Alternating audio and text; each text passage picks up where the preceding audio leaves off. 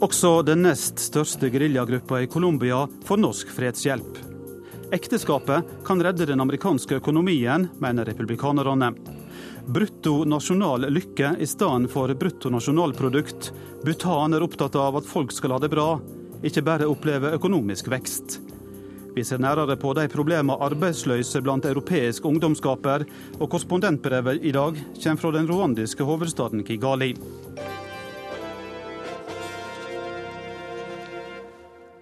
Velkommen til Verden på lørdag. Her i studio er Eivind Molde. Vi starter denne sendinga i Libanon. Som vi hørte i Dagsnytt, eh, kommer statsministeren i landet i dag til å kunngjøre at han går av som følge av bilbombeangrepet i Beirut i går. Midtøsten-korrespondent Sigurd Falkenberg Mikkelsen, det er krisemøte i den libanesiske regjeringa i dag. Hva skjer nå utover dagen?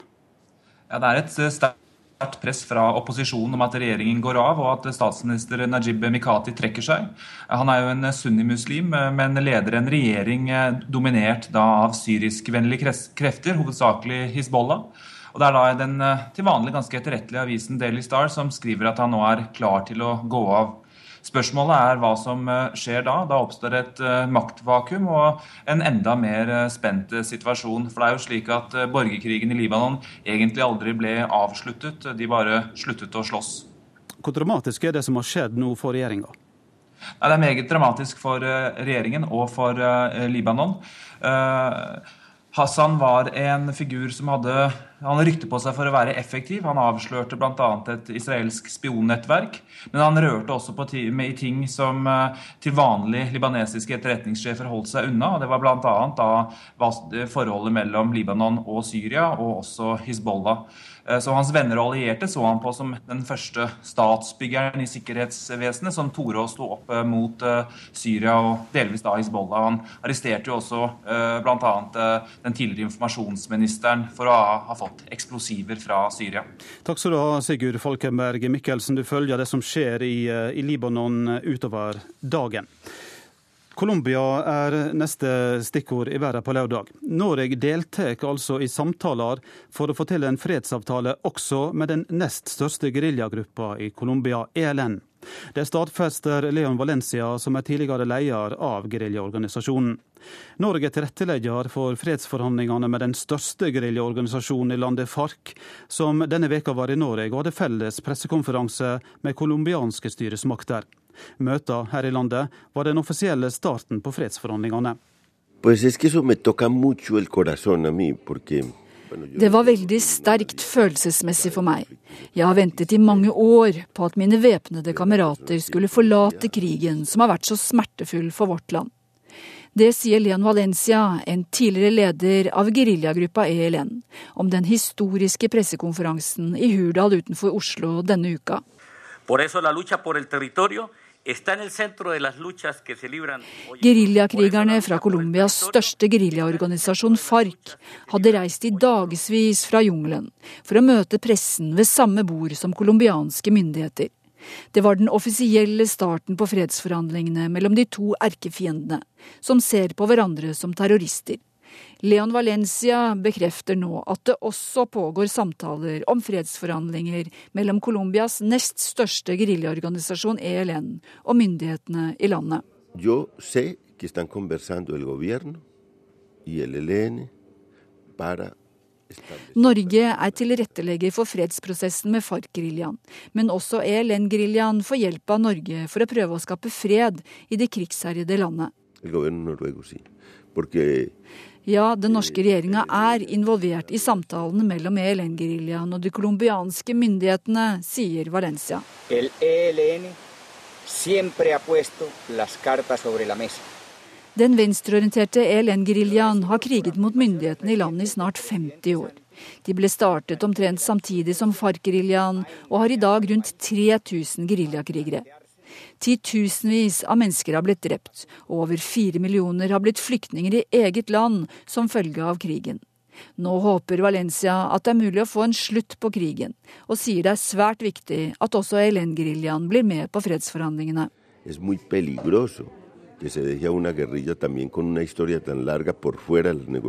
er. Det er veldig farlig å utelate ELN-geriljaen fra fredsforhandlingene, sier Valencia. Hvis det bare blir en fredsavtale med FARC-geriljaen, frykter Valencia at ELN vil tiltrekke seg FARC-soldater som er imot fredsavtalen, og overta områdene FARC trekker seg ut fra. Det vil bety at ELN vil bli den nye store geriljaorganisasjonen i landet, og at krigen vil fortsette. Men nå er altså Norge involvert også i samtaler med ELN for å prøve å få en slutt på krigen. Utenriksdepartementet vil verken bekrefte eller avkrefte at Norge er involvert i samtalene mellom ELN og den norske regjeringa. Det sa reporter Inger Marit Kolstadbråten. Jan Egeland, europadirektør i Human Rights Watch. Du kjenner jo fredsprosessen i Colombia godt. Hvor viktig er det at nå også den nest største geriljagruppa i eh, Colombia, ELN, skal eh, forhandle om fred med norsk hjelp? Det er veldig viktig. Man får ikke full fred i Colombia før man har en avtale med begge de store geriljaorganisasjonene. Det er jo til og med andre grupper, men de er veldig små.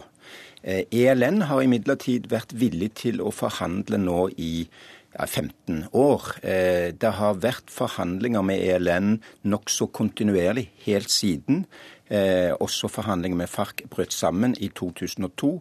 Grunnen til man ikke får til med ELN, er at de er litt for små, litt for svake, og de veldig, var veldig skviset både av de paramilitære høyreorienterte og FARC selv.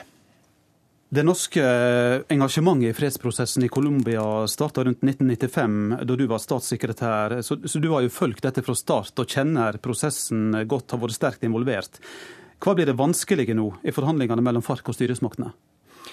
Ja, Overfor FARC har det jo vært veldig vanskelig hele tiden. FARC føler seg sterke. De er over hele landet. De er eh, en bevegelse som på mange måter begynte som selvforsvarsgrupper. Mange presenterer det med dag som en slags jordbruksreformsorganisasjon. Eh, det var selvforsvarsgrupper som oppsto fra den gamle borgerkrigen mellom liberale og konservative, som hadde pågått i lange tider før det. Manuel Marulanda, en av den legendariske lederen gjennom alle år, var rett og slett en liberal frihetskjemper før han gikk over til marxismen og stiftet FARC. Det vanskeligste nå, tror jeg, blir nærmest tillitskløften er så voldsom at å, å, å, å, komme med et tilbud til FARC som til slutt gjør at de legger ned våpnene og tror at de ikke vil bli drept og skutt, slik mange kamerater før har gjort det når de har gitt fra seg våpnene, det tror jeg blir det ene veldig vanskelig. Og det andre er straffrihetsspørsmålet. Eh, både generalene på regjeringssiden, de paramilitære og FARC vil kreve straffefrihet. Og det kan de ikke få hvis det dreier seg om krigsforbrytelser, forbrytelser mot menneskeheten. Blant annet kan ikke Norge gå med på en sånn deal. Ja, flere av det som deltar nå er jo etterlyste av eh, Interpol. Eh, dette må jo være et problem? Ja, ja, det er et stort problem. Altså, nå er vel delvis eh, Interpol-etterlysningene på det som det internasjonale samfunnet er mest interessert i ofte, narkotikahandel. Og det kan man i og for seg tilgi. Men man kan ikke tilgi massakrer mot kvinner og barn. Altså, det, det bildet man må unngå skjer, er at her sitter voksne menn med forhandlingsbordet og tilgir hverandre for eh, massakrer mot uskyldige bønder, kvinner og barn. Eh, og det gjelder ikke bare FARC. Eh, jeg, jeg hadde masse intervjuer hvor, hvor, jeg snakket om akkurat disse tingene med colombiansk presse, og så ble det lagt ut som om Human Rights Watch ikke vil gi tilgivelse til FARC. Vi er jo like opptatt av, eh, av generalene. En av generalene ved forhandlingsbordet som var her i Oslo, general Mora, er jo eh, knyttet i colombiansk presse til Falsos Positivos-skandalen, hvor altså hæren skjøt uskyldige bønder og framstilte det som om det hadde vært geriljasoldater for å skåre poeng overfor regjeringen. Ingen tvil om at det er store utfordringer eh, her, men prosessen er altså i, full gang med norsk hjelp. Takk for at du kom i studio, eh, Jan Egeland. Eh, når Norge nå er vertskap for de innledende samtalene i fredsforhandlingene mellom partene i borgerkrigen i Colombia, så er det slett ikke tilfeldig. Helt siden Alfred Nobel skrev sitt testamente i 1895 at fem personer, valgt av det norske Stortinget, skulle dele ut en pris til fredsforfektere har ikke bare Nobelkomiteen, men også Utenriksdepartementet tatt den oppgaven med det aller største alvor.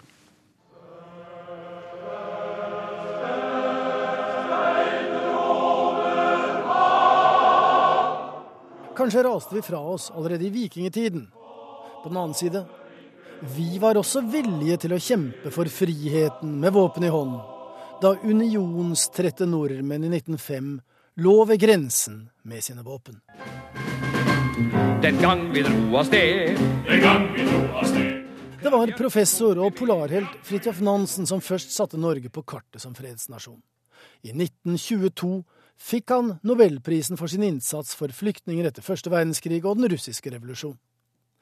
Riktignok hadde Christian Lange fått nobelprisen året før, som leder for Den interparlamentariske union, og Bjørnstjerne Bjørnson er fremdeles et kjent navn i Slovakia, pga. sin innsats til støtte for den slovakiske minoriteten i det østerriksk-ungarske dobbeltmonarkiet. Men Bjørnson var sjakkmatt, for han satt selv i Nobelkomiteen. Så det ble Nansen med sine Nansen-pass som ble den norske fredens far. Ikke minst russere og armenere minnes Nansens innsats. Han ble flyktningkommissær i Folkeforbundet og etablerte Nansen-passene, det var verdens første reisedokumenter for statsløse flyktninger. Så fikk da også Nansen-komiteen selv sin egen fredspris i 1938. Og så prisutdelingen i dag. Vi vet jo alle sammen at det er Nansen-kontoret i Genf som har fått prisen. Det fattige og karrige landet vårt så langt mot nord var svært internasjonalt orientert av utvandrere, misjonærer og sjøfolk. Etter annen verdenskrig ble FN en viktig del av norsk utenrikspolitikk. Trygve Lie ble verdensorganisasjonens første generalsekretær, og i årsskiftet 1948–49 sendte Norge fredsobservatører til Kashmir på grensen mellom India og Pakistan. Det var FNs første i sitt slag, og Norge var med. Fjernsyn og moderne satellitter bidro til at internasjonale medier viet fredsarbeid og fredspriser økt oppmerksomhet. Det var ikke bare en fordel for Norges fredsimage. Det norske Stortings Nobelkomité har gitt fredsprisen for 1973 til de to forhandlere, dr. Henry Kissinger fra USA og Le Ductot fra Den demokratiske republikk i Vietnam.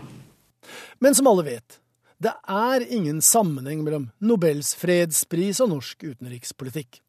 Allikevel, norsk innsats som fredsforhandler førte noen ganger til at det også ble en fredspris, der Norge hadde to fredshatter, som i Guatemala, der Rigoberta Menchú fikk fredsprisen. Ese algo en común den største suksessen i norsk fredsdiplomati er uten tvil konflikten mellom Israel og nabolandene, med fredspris til Begin og Sadat i 1979 og til Rabin Peres og Arafat i 1995.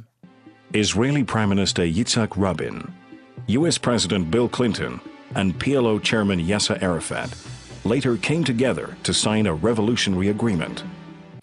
Den lille haken ved disse prisene er at det fremdeles ikke er fred. Men uansett, prosessen var vellykket. Andre velmente forsøk på å fikse fred har ikke ført til verken fred eller pris, bare ubehagelige spørsmål, som Erik Solheim fikk fra BBC angående Sri Lanka, Norges rolle og de tamilske tigrenes fredsdefinisjon.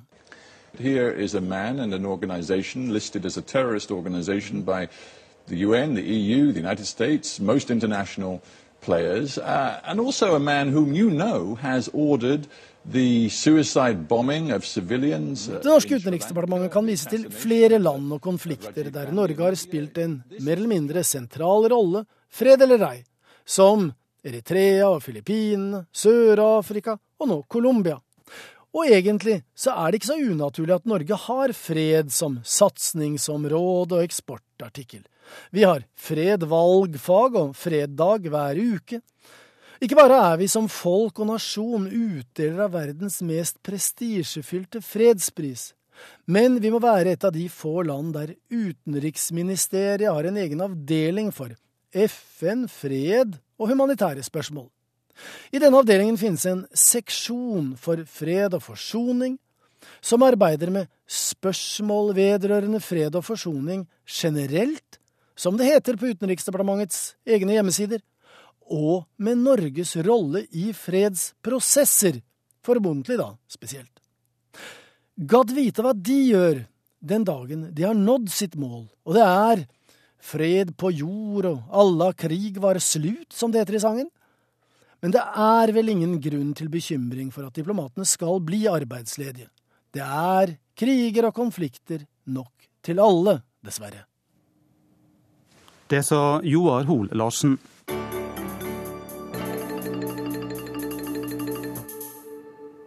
Det er bare 17 dager igjen til det amerikanske presidentvalget, og i USA blir den politiske debatten stadig mer intens. Den handler i stor grad om økonomi og om ideologi. For republikanere og demokrater har svært ulike syn på hvordan USA skal komme ut av det økonomiske uføret. Blant republikanerne er trua på offentlig omfordeling lita. På høyresida tror mange i stedet på ekteskapet.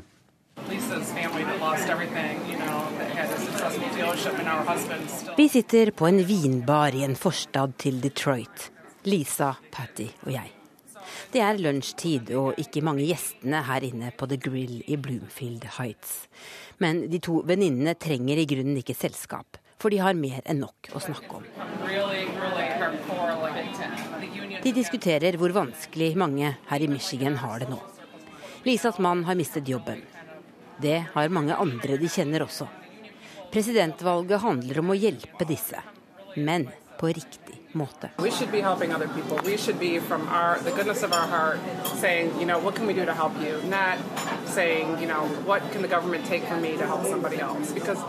Myndighetene gjør folk en bjørnetjeneste ved å gi dem offentlig hjelp. Vi bør heller hjelpe hverandre i dette landet. Jeg har ingen tro på offentlig omfordeling, sier Patty McCurry. It is correct that working class wages in the United States have not gone up over the last 50 years. I Washington, ved den anerkjente republikanske tankesmien American Enterprise Institute, møter jeg en som er helt enig. My complaint about big government in the United States and social programs is they destroy what has made America unique and valuable. Offentlige programmer ødelegger det som har gjort USA unikt. Sterke familier og sterke lokalsamfunn der folk hjelper hverandre, forklarer Charles Murray. Han har skrevet flere bestselgende bøker. Den siste handler om hva som har skjedd med hvite amerikanere siden 1960. The United States in 2010 is a very different place than it was in 1960 in terms of social class. There has been a divergence in American classes that has no precedent in our history. I denne perioden har klasseskillene økt. De rike er blitt rikere, og en permanent lavere klasse av hvite har vokst fram i USA. Men Charles Murray mener dette slett ikke skyldes mangelen på en velferdsstat, men at offentlige programmer siden 1960-tallet har gjort flere til aleneforsørgere, som nå går på trygd i stedet for å jobbe. When you no longer have men and women whose primary interest in life is how well their children do, the way that communities function uh, falls apart. Vi er tilbake i Michigan, på en diner et annet sted i delstaten. Her sitter en gjeng hjemmeværende mødre som også er enige i Charles Murrays analyse. De er alle gift og har alle valgt å satse på å oppdra barn framfor egen karriere. Ingen av dem er svært rike, men de klarer seg bra.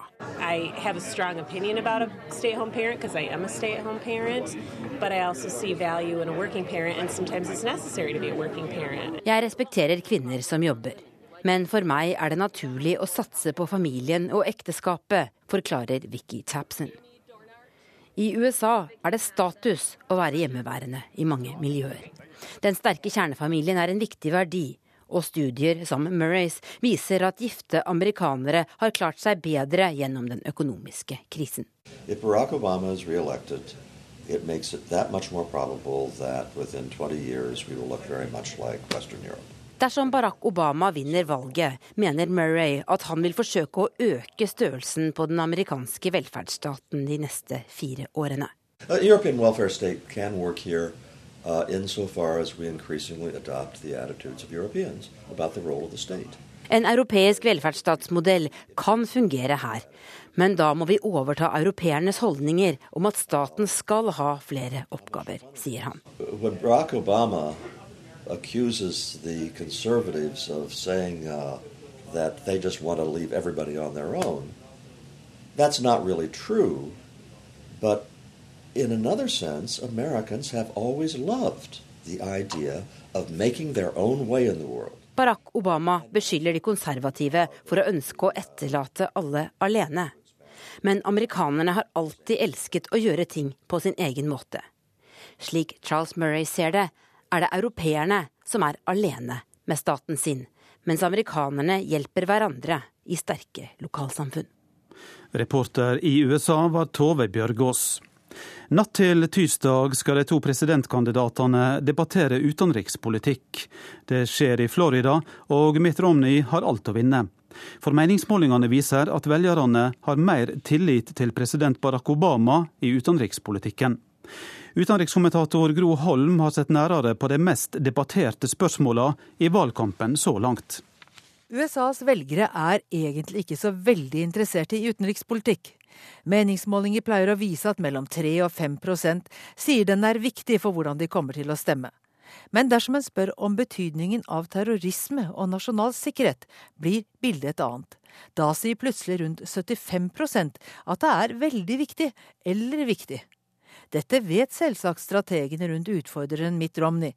Derfor er det heiteste temaet for øyeblikket Obamas håndtering av drapet på den amerikanske ambassadøren og tre andre diplomater i Libya 11.9. i år. I en uttalelse som ble sendt ut fra Det hvite hus morgenen etter, sier president Obama at angrepet begynte som en reaksjon fra en rasende flokk på en YouTube-video som fordømte profeten som grunnla islam. Romney svarte umiddelbart med en uttalelse som sa det er skammelig at Obama-administrasjonens første reaksjon ikke var å fordømme angrepet på vår diplomatiske representasjon, men å sympatisere med dem som står bak angrepet. Siden har Romney fortsatt ved å hevde at det tok to uker før Obama omtalte drapene som en terrorhandling. Det er faktisk ikke sant. For på en pressekonferanse allerede 12.9 sier presidenten at ingen terrorhandling vil noensinne kunne endre kursen til denne store nasjonen. Men tvilen var sådd mente Obama at den amerikanskproduserte amatørfilmen om profetens liv var den bakenforliggende årsaken til en spontan henrettelse av fire diplomater. I dagene som fulgte, ga USAs FN-ambassadør næring til anklagene ved å si at det ikke var noe som tydet på at drapene var planlagt, mens Libyas myndigheter antydet at det kunne være en Al Qaida-tilknyttet gruppe. Etterforskningen pågår fortsatt. Det samme gjør debatten, ikke minst på webben. Romney har utvilsomt klart å så tvil både om Obamas patriotisme og om hans evne til å lede i krise. Og nettopp fordi Obama var så defensiv i den første debatten med utfordreren, har tvilen fått gode vekstvilkår. President Obama har en utenrikspolitisk merittliste, men det er også mye han ikke har fått til. Bin Laden er drept, krigen i Irak avsluttet, soldatene er på vei hjem fra Afghanistan, og det er undertegnet en ny avtale om atomnedrustning med Russland. Men Guantánamo er ikke stengt, dialogen med Iran er fastlåst, og absolutt ingenting er oppnådd i Israel-Palestina-konflikten. Mitt Romney er ikke mye opptatt av utenrikspolitikk, utover det å angripe Obamas svake punkter. I en tale på Militærinstituttet i delstaten Virginia for knappe to uker siden tegnet han et bilde av seg selv som en tøffere forsvarer av amerikanske interesser i utlandet. Ja, overfor Iran ville han ikke nøle med å bruke militærmakt for å stanse landets forsøk på å skaffe seg atomvåpen. Som en begynnelse vil han sørge for permanent stasjonering av hangarskip både i Middelhavet og i Persiabukta. Uttalelsen ble tolket dit at Romney er innstilt på et snarlig forkjøpsangrep, selv om det er høyst tvilsomt om Iran faktisk har kapasitet til å produsere atomvåpen. Romney mener at den nåværende administrasjonen har gjort altfor lite for å hindre Al Qaida å bygge seg opp i Midtøsten, og han vil gi mer håndfast støtte til den syriske opposisjonen. Amerika er i ferd med å miste sin posisjon som verdens supermakt takket være Obamas manglende ledelse internasjonalt, hevder Romney. Det mener også mange velgere. Men Obamas kampanjefolk slår tilbake. Skal USA ledes av en mann som presterte å ydmyke vår nærmeste allierte, britene? Under sitt besøk i London i sommer stilte Romney nemlig spørsmål ved britenes evne til å gjennomføre OL. I Israel fornærmet han både palestinere og jøder ved å lovprise jøder som spesielt flinke til å tjene penger. Natt til tirsdag blir det hanekamp om utenrikspolitikken i den tredje og siste fjernsynsdebatten. Og oktoberoverraskelser har påvirket valg før. De kommer gjerne utenfra.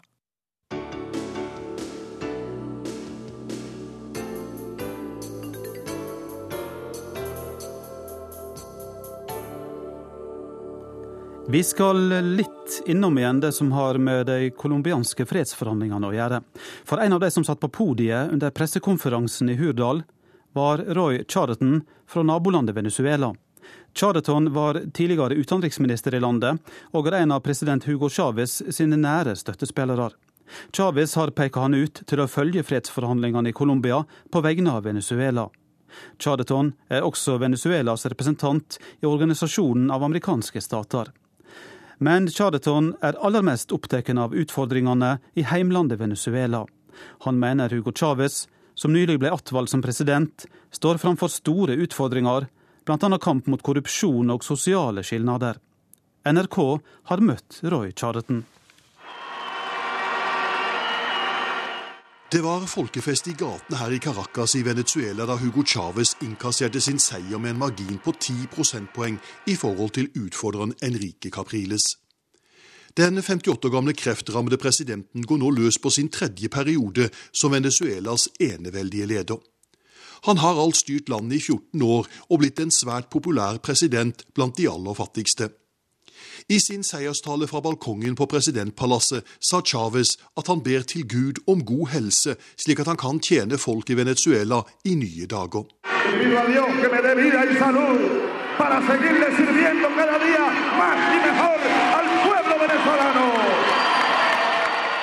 En av Chávez sine nære allierte er Roy Chadaton. Han ble Venezuelas utenriksminister etter det mislykkede kuppet mot Chávez for ti år siden. I dag er han Venezuelas ambassadør i Organisasjonen av amerikanske stater. Den 70 år gamle karrierediplomaten har tjenestegjort både i Norge, Storbritannia, Frankrike, Colombia og Mexico. Roy Chadaton sier til NRK at regimet ikke har lykkes godt nok i å stanse kriminalitet og korrupsjon i landet. Chávez må rette opp feilgrepene i neste periode, mener den respekterte karrierediplomaten. Det viktigste er å fortsette arbeidet med sosial rettferdighet i Venezuela, mener Chadaton. Uh, which has been a great effort we have been doing during, during the last uh, 14 years. And on the other side, well, to to rectify a mistake we could have done along the way, but always engage with people in promoting democracy and social justice with economic growth. Korrupsjonen og kriminaliteten har eksplodert i Venezuela under Chávez sitt styre. Ifølge FNs statistikker er hovedstaden Caracas nå verdens farligste by når det gjelder voldelig kriminalitet og våpenrelaterte forbrytelser. Den tidligere utenriksministeren Roy Chadaton sier rett ut at man kanskje har vært naiv når det gjelder kriminalitetsutviklingen og sikkerheten til innbyggerne. We maybe, maybe we were naive in thinking just the, that the, the silent uh, hand of uh, social justice would be enough to assure security, safety for, for our people, and, and to control crime. So we have to increase and to improve our policies in the way to, or in order to assure tranquility uh, within the streets of Caracas and of our country. Karrierediplomaten erkjenner at korrupsjon er et stort problem i Venezuela. Han mener statsansatte må skoleres for å kunne stå imot korrupsjon. It's a problem. Uh, corruption is, is a plague we must combat.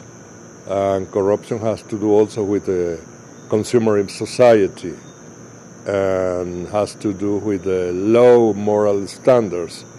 So we need to also to educate people, and with people educated and and with good services provided to the population, you know, in order not to leave uh, excuses for going the, the wrong way in order to get uh, services, for instance, or in order not to have uh, uh improper gains from business with the state. Som en av president Hugo Chávez sine betrodde allierte har Roy Chadaton god oversikt og kontakt med maktapparatet. Chávez har nylig utpekt Chadaton til å være Venezuelas mann til å følge de kommende fredsforhandlingene i nabolandet Colombia, som Norge står som vertskap for.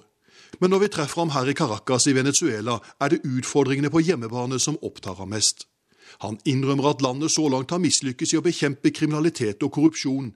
Men den erfarne støttespilleren til Hugo Chávez tror altså presidentens kommende periode vil bøte på noe av det dystre og korrupte hverdagslivet som preger denne oljerike nasjonen. Jon Gelius, Caracas, Venezuela.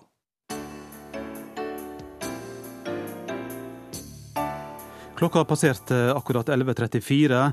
Stikkord videre her i verden på lørdag er europeisk økonomi, og vi skal ha korrespondentbrev fra Lars Sigurd Sunna nå. Men nå Bhutan, der styresmakten har innført måleeininga brutto nasjonal lykke til erstatning for brutto nasjonalprodukt. På den måten prøver de å prioritere det at folk skal ha det bra, ikke bare oppleve økonomisk vekst. Omgrepet bruttonasjonal lykke har også funnet sin plass i undervisninga. Det rapporterer Asia-korrespondent Anders Magnus. Han har besøkt en av ungdomsskolene i hovedstaden Timpo.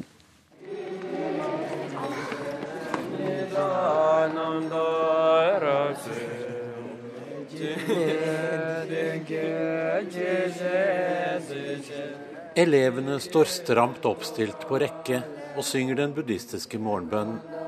Alle kledd i skoleuniformer i tradisjonell stil. Guttene med gå, en knekort drakt, jentene i lange omslagsskjørt, kira. I Bhutan forsøker myndighetene å holde mest mulig fast på de kulturelle tradisjonene, så disse klesdraktene er obligatoriske både for skolelærerne og andre som jobber i offentlig sektor. There is no one absent. Okay, so how are you feeling today? Fine. Did you all have a good night's sleep? Okay. Lærer Tinli Om ønsker elevene velkommen til en ny skoledag, og vil gjerne høre at alle har sovet godt om natten. Åttende klasse ved ungdomsskolen Changzamtog i Bhutans hovedstad Timpu skal ha undervisning i historie. De får høre om Tysklands erobringer under annen verdenskrig og læreren spør retorisk om Hitler er en helt. Do you find him as a great hero? So now you know the real meaning of hero. A hero does every work for the benefit and for the happiness of all people. And whatever Adolf Hitler is done is not a heroic work. Are you getting me? Yes. Okay. Læreren forsøker å inkludere den nye nasjonale måleenheten brutto nasjonal lykke i alle skolefagene. How important is uh, the concept of gross national happiness uh, in your uh, teaching? Uh, I consider the concept of gross national happiness is very important because when we teach children, the, well, not only the academic part is important in their lives, the importance, the value of happiness, how to achieve it, you know, how people have to, you know, live happily, interact with each other, not, you know, hurting one another. Lykke er tydeligvis noe man nå tar på største alvor i Bhutan, skal man tro eleven Puncho Wangmo. Hun er tillitsvalgt for alle jentene på ungdomstrinnet. Are you a happy girl? Always. Always happy. Is that possible? It is. If we you know control our mind, if if if we help others, it is possible, sir. But you don't think bad about other people anytime? Sometimes, uh, when you know, when they talk bad about us, just a little bit. What do you think then? But I, I take it positively because they, they are they, they are humans. They also make mistakes. How do you manage to uh, to think positively all the time? I, I do meditation um, the mindfulness. So I manage it because I, I help others. I feel happy.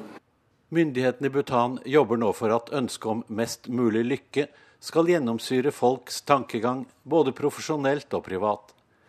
Kan ikke det bli litt slitsomt i lengden? Isn't it very exhausting uh, being happy all the time? uh, it's not exhausting. So when you can be happy all the time, you know, this is something you know what we are actually living for. So it's not exhausting if I can be happy all the time. In fact, I would be, I would like to welcome that happiness every day, every minute in my life. for å lykke i Bhutan til økonomiske utfordringer i Europa. Aldri i moderne tid har så mange unge vært arbeidsløse i Europa. Denne måneden kom det nye dramatiske tall, så høye at sjøl ledelsen i EU nå roper varsku om konsekvensene. Og prisen for samfunnet kan være høy. Forskere har påvist at unge som blir stoppa på vei inn i arbeidsmarkedet, kan få varige arr. Soy Joan San Félix, tengo 29 años, eh, soy sociólogo. Joan San Félix Me llamo Iván. Eh, og Ivan Masa. To av Spanias unge som har vært arbeidsledige i nesten to år. Johan med sju års utdannelse innen sosiologi. Ivan med lang erfaring fra byggebransjen. Begge nå fanget på gutterommet i Valencia som langtidsledige. Nunca pensaba que llegaría, llegaría el momento en el que estaría tanto, tanto tiempo parado. Jeg hadde aldri trodd at jeg skulle bli arbeidsledig så lenge, sier Johan. Tross toppkarakterer og en prisbelønnet master har han blitt en del av Spanias dystre arbeidsledighetsstatistikk. I en alder av 29 år har han flyttet hjem til foreldrene. Hver dag er en endeløs jakt etter jobb. Hver dag er han ett skritt nærmere å bli en del av det alle frykter, en tapt generasjon. Estoy perdiendo una parte importante de mi vida porque no puedo hacer nada. Llega un punto que, que te empiezas a desesperar. Jeg er i ferd med å miste en viktig del av livet mitt. Man kommer til et punkt hvor man blir dypt fortvilet fordi man ikke aner hva man skal gjøre, sier Johan. De tilhører den best kvalifiserte generasjonen i Spanias historie, men de brukes ikke til noe. Massearbeidsledigheten blant unge har skutt i været i Sør-Europa, ifølge nye tall fra EUs statistikkbyrå. Siden finanskrisen startet i 2008, har ledigheten blant unge under 25 år vokst til 22,5% i eurosonen i år. I Spania er ledigheten på 53% i Hellas 54% Italia 34 mens ledigheten blant Norges unge er på 8 hos Organisasjonen for økonomisk samarbeid og utvikling, OECD, i Paris, roper man nå et varsko om konsekvensene.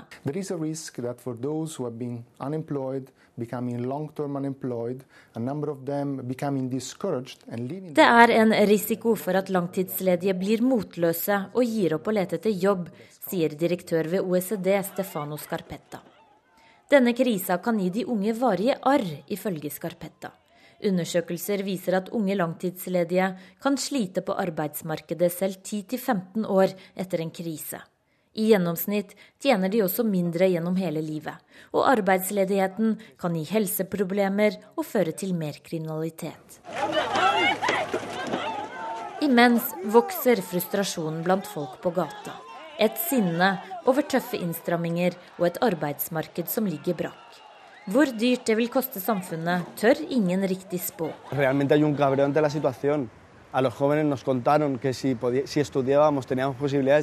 Folk er frustrert over situasjonen, forteller Juan Gabriel Martinez ved ungdomsrådet i Valencia. Vi unge er blitt fortalt at vi ved å studere vil kunne få en bedre fremtid. Og vi oppdager at når vi er ferdig på universitetene, er det ingen bedre fremtid. Det er ingen fremtid i det hele tatt.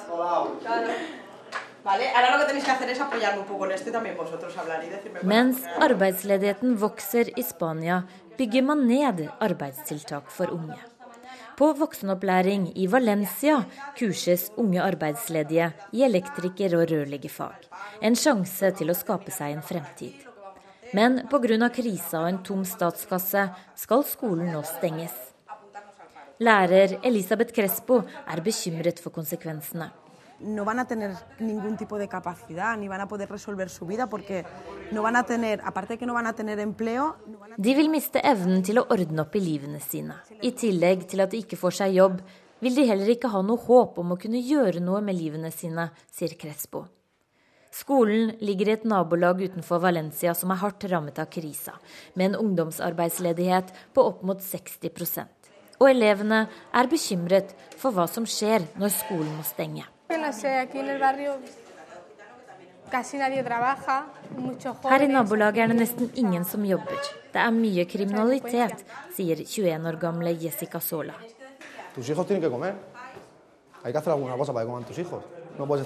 Barna våre må spise. Vi er nødt til å skaffe dem mat på bordet. Hvis det ikke finnes jobber, må vi gjøre andre ting, sier 24 år gamle Eduardo Guerrero. Må man stjele, ja, så stjeler man, sier Guerrero.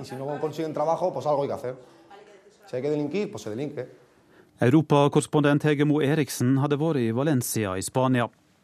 Eurokrisa er blitt mindre dramatisk nå, men det vil uansett ta mange år å løse denne krisa. Det sier økonomen Christian Dreger ved det tyske instituttet for økonomiforskning til NRK. Samtidig krever tyske styresmakter stadig mer kontroll over den økonomiske politikken i de kriseråka EU-statene. Arnt Stefansen har sendt oss denne reportasjen fra Berlin.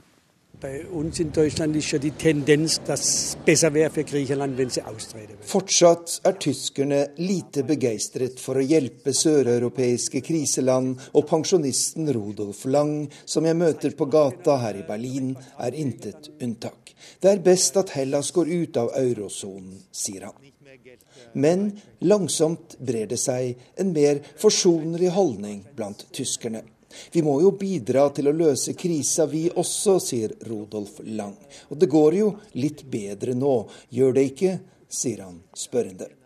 Og professor Christian Dreger ved det tyske institutt for økonomiforskning vurderer situasjonen slik. Im Moment äh, sind wir sicherlich in einer Phase, wo die Eurokrise wieder weniger dramatisch geworden ist. I øyeblikket er vi i en fase der eurokrisa er blitt mindre dramatisk. Men det betyr ikke at krisa er overvunnet. At Den europeiske sentralbanken vil begynne å kjøpe statspapirer fra de nødlidende eurolandene, er et viktig skritt i riktig retning. Dette gjør det mer sannsynlig at vi vil finne en løsning på eurokrisa. Men det alene løser ikke krisa. Fortsatt er det en gigantisk snuoperasjon som må gjøres, sier han. Spanske studenter har denne uken gjennomført en rekke demonstrasjoner over hele landet i protest mot harde nedskjæringer i undervisningssektoren. Og en ny generalstreik er på trappene i slutten av denne måneden. Dag for dag rammer de økonomiske sparetiltakene stadig flere mennesker i de kriserammede EU-landene. Og for dem er det til liten eller ingen trøst at børsene stiger og de fryktede statsrentene er blitt kraftig redusert. Spania har bare så vidt startet på en lang og smertefull snuoperasjon, sier økonomieksperten Christian Dreger. Spanien hat ein besonderes Problem dadurch, äh, dass das Wachstum vor der Finanzkrise Spania har et helt spesielt problem i og med at den sterke veksten i tiden før krisa i stor grad ble drevet av en voldsom oppgang i boligsektoren. Nå ligger denne sektoren nærmest død, og landet er inne i en betydelig resesjon. Så vi må se for oss en lang tilpasningsperiode før Spania igjen blir konkurransedyktig på det internasjonale markedet. Og selv når krisa er over, er det tvilsomt om spanjolene kan leve like godt som før. For å ta ut så høye lønninger og sosiale ytelser som de gjorde før krisa, må de øke sin produktivitet betraktelig, sier eksperten. Morgen, Kinder, wird's nichts geben, müsst erst unsere Schuld I morgen får dere ingenting, barn. Nå må vi betale gjelda vår, lyder teksten i denne sangen som fleiper med den tyske regjeringens økonomiske politikk. Og mange europeere vil kjenne seg igjen i sangen. En beinhard sparepolitikk har vært den tyske regjeringens svar på den europeiske gjeldskrisa. Men de siste månedene har også tyskerne innsett at sparing alene er en uholdbar oppskrift, og at de økonomiske nedskjæringene må gå hånd i hånd med tiltak for å stimulere vekst og skape arbeidsplasser. For uten vekst er det ikke mulig å få Europa på fote igjen, sier økonomieksperten Christian Dreger. Das ist äh, ja genau die Frage. Also äh, wir haben halt äh, hier eine Krise vor uns. Det er jo nettopp det som er problemet. Vi har å gjøre med en krise som sannsynligvis vil vare svært lenge. Vi må få til reformer, konsolidering og strukturelle endringer som handler om en helt ny måte å leve og arbeide på, en ny arbeidskultur, om man vil. Vi snakker ikke om ett til to år her, snarere om ti til tolv. Det er altså en lang tilpasningsprosess som ligger foran oss, og det store spørsmålet er da hva gjør vi i mellomtiden? Svaret er at vi må lage et økonomisk sikkerhetsnett, slik den europeiske sentralbanken nå gjør. Det er i hvert fall en god begynnelse, sier professor Christian Dreger ved det tyske institutt for økonomiforskning her i Berlin.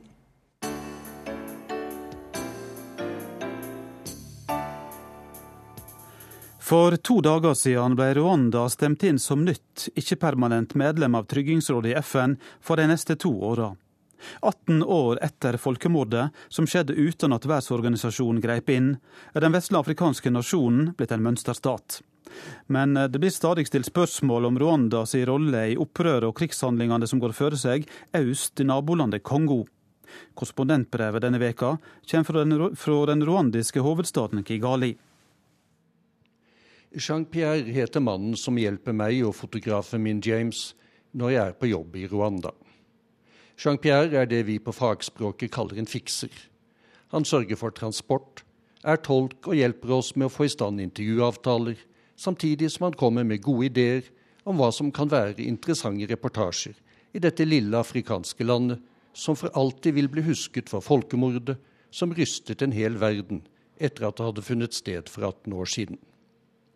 Mer enn 800 000 tutsier og moderate huter ble da slaktet, skutt, hugget eller klubbet ned i løpet av 100 dager uten at FN og det internasjonale samfunnet grep inn for å stanse blodbadet. Jean-Pierre, som nå er 49 år gammel, er tutsi. Så det var naturlig at jeg spurte ham om hvordan han overlevde vårmåneden i 1994, da hutu-militsene jaktet på alle som tilhørte hans folkegruppe. Vi var på vei sørover i Rwanda, mot grensen til Tanzania, til byen Kibungo. Også der fløt blodet for 18 år siden, og massakrene er de siste ukene blitt rullet opp i detalj i Oslo tingrett, der en ruander er tiltalt for å ha hatt en nøkkelrolle i det som skjedde. Jean-Pierre var ikke i Kibongo, men hjemme hos en venn, en hutu, i hovedstaden Kigali da drapsmennene banket på døren. De forlangte å få komme inn, men før de gjorde det, rakk Jean-Pierre å snike seg ut bakdøren. Han fant åpningen til husets septiktank, den var ikke full, og hoppet nedi. I septiktanken, i stank og mørke, gjemte han seg i to og en halv måned.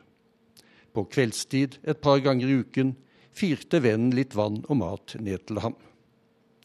Da Jean-Pierre til slutt våget seg opp av septiktanken, fikk han vite at begge foreldrene og tre av søstrene hans var blitt ofre for det etniske ragnarokket i Rwanda. Først for to år siden lyktes det for Jean-Pierre å finne stedet ved Kivosjøen, der faren, som var lege, hadde blitt hakket i hæl. Levningene ble gravd frem fra grøftekanten, og Jean-Pierre forteller at det var som en tung bø forsvant fra skuldrene da hans far fikk en skikkelig begravelse. Hundretusener av ofrene for folkemordet fikk aldri det. De ligger i massegraver i Kigali, i Kibungo over hele Rwanda. Jean-Pierre møtte også farens drapsmann. Han var satt fri sammen med til sammen 140 000 andre deltakere i folkemordet, som et ledd i myndighetenes forsoningspolitikk. Det var ikke lett å la være å slå ham ned, innrømmer Jean-Pierre. Men da hadde også jeg havnet i fengsel. For Rwanda har hatt sitt rettsoppgjør, og det savner sidestykke. Godt over én million hutuer deltok i massakrene, mer og mindre aktivt. Men fem år etterpå var bare 400 av dem ført for retten. Rwandas domstoler var ikke i nærheten av å ha den kapasiteten som måtte til. Det måtte tenkes nytt, og resultatet ble gakachaene, grasrotdomstolene som frem til i sommer har vært i sving i så å si hver eneste by og landsby over hele Rwanda. Tradisjonelt har det vært vanlig for de eldste i landsbyene å ta stilling til feider mellom naboer om forskjellige spørsmål, og så lande på avgjørelser som de involverte og lokalsamfunnene har vært bundet til å følge. På samme måte ble rettsoppgjøret etter folkemordet gjennomført. I lokalsamfunnene har mer enn 160 000 dommere vært utpekt til å lede gakachaene. De har ikke hatt juridisk kunnskap eller bakgrunn, men de har nytt den tillit og respekt som har vært nødvendig. Frem til disse grasrotdomstolene ble avviklet i sommer, har de fortløpende behandlet oppunder to millioner straffesaker og avsagt fellende dommer i rundt halvparten av dem. Noen folkemordere har fått lange fengselsopphold med hardt straffarbeid. Andre er pålagt samfunnstjeneste i landsbyene sine. For tolv år siden satt mer enn 180 000 av deltakerne i folkemordet i fengsel eller i fangeleire. Men nå er altså 140 000 av dem satt fri. Det er knapt noen landsby i Rwanda som ikke har en morder eller to, som regel enda flere, i sin midte. Mens Jean-Pierre forteller, har han oversett trafikkskiltet som sier han skal holde 40 km i timen gjennom det lille tettstedet vi passerer. Og der står politimannen med laserkamera. Det viser at farten vår var nærmere 60 km i timen. Jean-Pierre må gi fra seg sertifikatet, men han får en kjøreseddel som han kan bruke i tre dager. Innen den tid må han ha vært i banken og fått betalt boten på rundt 250 kroner. Mot kvitteringen får han da sertifikatet tilbake på politistasjonen. Det er ikke, som i mange andre afrikanske land, mulig å forhandle om minnelige løsninger, inkludert en passende bestikkelse, med politimenn i Rwanda. Lover og regler følges uten korrupsjon. Landet er på mange måter blitt en mønsterstat i afrikansk sammenheng etter at det lå smadret og i ruiner da tutsienes opprørshær under ledelse av nåværende president Paul Kagame seiret i borgerkrigen og fikk stanset folkemordet sommeren 1994. Det er ikke så mye som en plastpose eller annet søppel å se i veikanten. Trafikklysene i Kigali respekteres. Ikke én motorsyklist kjører uten hjelm. Den er påbudt også for passasjerene. Ulykkestallene er dramatisk redusert. Det er riktignok så som så med demokrati og ytringsfrihet i Rwanda, men landet med nærmere 11 millioner innbyggere er blitt et velfungerende samfunn der stadig flere bringes ut og opp av bunnløs fattigdom. Bare i løpet av de siste fem årene er én million rwandere hevet over den internasjonale fattigdomsgrensen. Dvs. Si at de har fått mer enn åtte kroner dagen å leve for. Nær halvparten av rwanderne har fortsatt mindre å rutte med, men det går gradvis fremover også for dem. I nærheten av Kibungo tar Jean-Pierre oss med til en såkalt modellandsby, der straffanger kledd i oransje bygger hus for lutfattige rwandere, som får husene gratis. I tillegg til boligen har regjeringen gitt en ku til hver av familiene som har flyttet inn, men på ett vilkår. Den første kalven kua får, skal gis videre til en familie som ikke har noen ku. Og så må denne familien i sin tid gi fra seg den første kalven når kua vokst opp, osv. Frem til nå er 120 000 kyr kommet fattige familier til gode på denne måten. Slik spres velstand i Rwanda, til akklamasjon fra Verdensbanken, bistandsland og internasjonale hjelpeorganisasjoner. Tilbake i Kigali, etter at vi har gjort opptakene og intervjuene våre i Kibongo, tar vi en tur langs åskammene der eliten i landet har slått seg til i hovedstaden. Mange av palassene kan ta pusten fra en, og stadig nye er under oppføring. Hvor pengene er kommet fra, snakker verken Jean-Pierre eller de fleste rwandere høyt om. Men det hviskes om Kivu-provinsen, på den andre siden av grensen, øst i Kongo. Den er full av tømmer og verdifulle mineraler. Og helt siden president Paul Kagame for første gang sendte styrker inn i nabolandet i 1996 for å forfølge hutuer som hadde flyktet dit etter å ha vært med på folkemordet, har Rwanda prøvd å sikre seg innflytelse og å utvide sine økonomiske interesser i den ressursrike kongolesiske provinsen. I tiår har Kivu vært preget av blodige krigshandlinger, elendighet og en sivilbefolkning på stadig flukt fra avsvidde landsbyer og massevoldtekter. I mai i år brøt det ut nye kamphandlinger i provinsen da en gruppe soldater av Tutsi-herkomst gjorde mytteri og forlot den kongolesiske hæren som de da var en del av. M23, som opprørerne kaller seg, har sikret seg kontroll over store områder langs grensen til Rwanda, og i kjølvannet av fremrykningene har de rekruttert barnesoldater og voldtatt minst 5000 kvinner og barn, skal en tro rapporter fra flere menneskerettsorganisasjoner. En av rapportene fastslår at opprørerne står i ledtog med den beryktede krigsherren Bosco Taganda, som den internasjonale straffedomstolen i Haag har tiltalt for krigsforbrytelser og forbrytelser mot menneskeheten. Og ikke bare det. En ny FN-rapport som er lekket ut denne uken, viser at opprørerne har full oppbakking med våpen og forsyninger fra Rwanda, og at det er forsvarssjefen i Kigali som faktisk har kommandoen over deres operasjoner.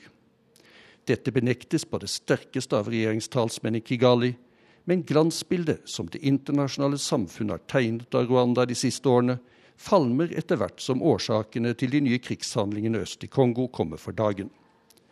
Både USA, Storbritannia, Tyskland og Nederland har truet med å trekke viktig bistand om ikke president Kagame holder fingrene av fatet i Kivu-provinsen. Men like fullt seilte Rwanda for to dager siden inn som ikke-permanent medlem av FNs sikkerhetsråd de neste to årene. Det hjalp ikke at utenriksministeren i Den demokratiske republikken Kongo protesterte før avstemningen i hovedforsamlingen i New York. Rwanda står fortsatt høyt i kurs internasjonalt. Lars Sigurd Sunnanå, Kigali. Denne utenrikstimen i P2 er straks slutt. Du kan høre en kortversjon av denne sendinga i P2 klokka 16.40. Teknisk ansvarlig var Frode Thorshaug. Skript Bente Alice Westgård. Og her i studio var Eivind Molde.